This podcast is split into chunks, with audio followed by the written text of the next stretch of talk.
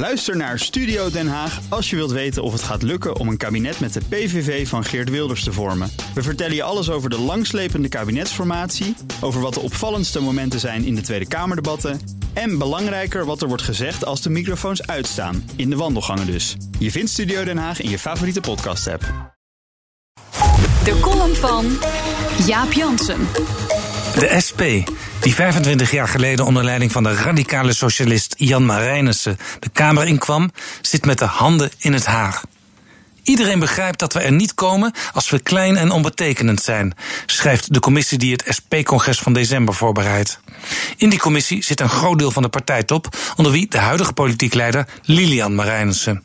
Het ging mis bij de statenverkiezingen, waar de SP nergens meer mocht meebesturen. Van negen gedeputeerden naar nul. Het ging heel erg mis bij de verkiezingen voor het Europees Parlement, waaruit de partij geheel verdween. De SP-lijsttrekker was bij vrijwel iedereen onbekend en kon daardoor geen rol van belang spelen in de campagne, schrijft de congrescommissie. PvdA Frans Timmermans werd wel ervaren als iemand die ertoe deed en kwam als grootste uit de bus. Toen concurrent PvdA in 2017 electoraal het ravijn intuimelde, profiteerde de SP daar niet van. Nu de PvdA weer opkrabbelt, heeft de SP er extra last van. Evenals van de nieuwe opmars van Geert Wilders. Een deel van de kiezers stemt soms SP en dan weer PVV.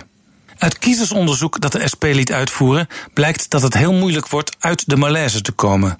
Een kwart van de kiezers vindt de SP te rechts en een kwart te links. Het lijkt onoplosbaar. Maar liefst 50% van de potentiële SP-stemmers vindt de SP-standpunten over klimaat, immigratie en de Nederlandse identiteit onduidelijk. Er zijn SP'ers die het belangrijk vinden vluchtelingen hier een huis te geven.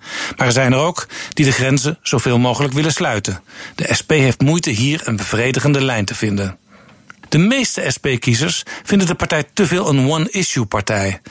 In de SP-plannen voor nieuwe campagnes staat invoering van een nationaal zorgfonds, waar vorige campagnes omdraaiden, opnieuw bovenaan. Belangrijk misschien, maar het hielp de vorige leider Emiel Roemer niet omhoog. Veel SP-kiezers maken zich zorgen over hun eigen financiële situatie. Maar alle partijen zijn inmiddels voor een stevige inkomensstijging voor werkenden. Bij de algemene beschouwingen sprak de Tweede Kamer unaniem de wens uit de lonen in het bedrijfsleven met 5% te verhogen.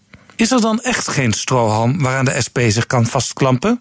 We zijn de enige politieke partij die fundamentele kritiek formuleert op de kapitalistische neoliberale wereldorde, schrijft de congrescommissie. Maar zelfs dat is niet echt onderscheidend meer als alle Kamerfracties, ook de liberalen, bij de algemene beschouwingen het bestaande kapitalisme de wacht aanzeggen.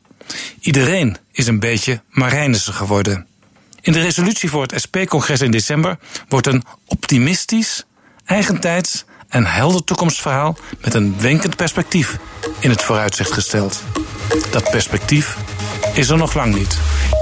En dat is Jaap Jansen, onze columnist, op donderdag hier op BNR. Als u zijn column wil terugluisteren of andere columns wil horen... dat kan op bnr.nl in de BNR-app. En dan vindt u ook alle mooie podcasts. Ook Diana Matroos vind je in de BNR-app. Ja, inderdaad. Je kunt live naar mij luisteren tijdens de Big Five.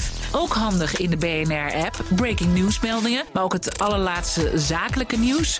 En je vindt in de app alle BNR-podcasts, waaronder Wetenschap Vandaag. Download nu de gratis BNR-app en blijf scherp.